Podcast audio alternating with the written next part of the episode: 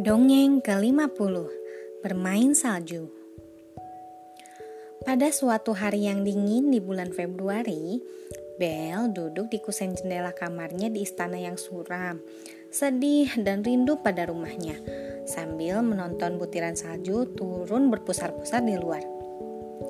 Ia telah berjanji untuk tinggal di istana Beast sebagai ganti kebebasan ayahnya betapa ia merindukan rumah mungil dan ayahnya yang tersayang.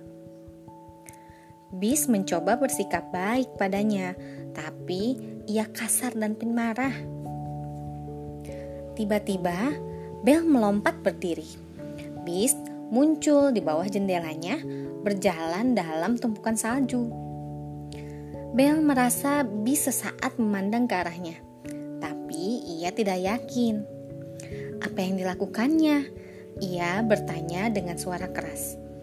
Ia melihat bis memungut segumpal salju dan mencoba membentuknya jadi bola. Tapi gumpalan salju itu pecah dan memerciki wajahnya. Bel tertawa sendiri. Oh, rupanya ia ingin membuat boneka salju, serunya. Tapi ia tidak tahu caranya. Bis kemudian membuat bola salju yang lebih kecil Kali ini bola saljunya tidak pecah dan bis mulai mendorongnya ke sekeliling halaman. Bola salju itu makin lama makin besar. Tak lama kemudian, bola salju tersebut sudah begitu besar sehingga bis sulit menggerakkannya. Bel melihatnya berusaha keras mendorong. Lalu tiba-tiba terjatuh ke atas bola salju. Kedua kakinya yang besar mendang-nendang ke udara tidak berdaya. Tawa Bel pun pecah berderai saat ia melihat kejadian itu. Itulah pertama kali ia tertawa sejak datang ke istana tua yang muram ini.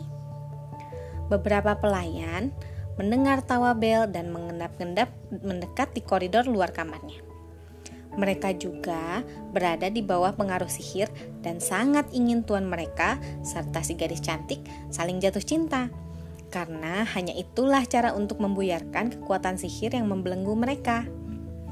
Apakah menurutmu ia mulai menyukai tuan kita? Mrs. Potts berbisik pada Lumiere. Entahlah, Lumiere balas berbisik. Aku tak berani berharap. Tapi untuk jaga-jaga, aku akan menyiapkan makan malam romantis untuk dua orang malam ini. Ia bergegas pergi ke dapur sambil mulai menyusun menu. Bel melihat Bis perlahan-lahan berdiri. Sambil merengut, Bis mulai menggulingkan bola salju lagi. Kali ini, ia terpeleset waktu menginjak es dan jatuh terlentang. Sambil tertawa senang lagi, Bel berdiri dan memakai mantel.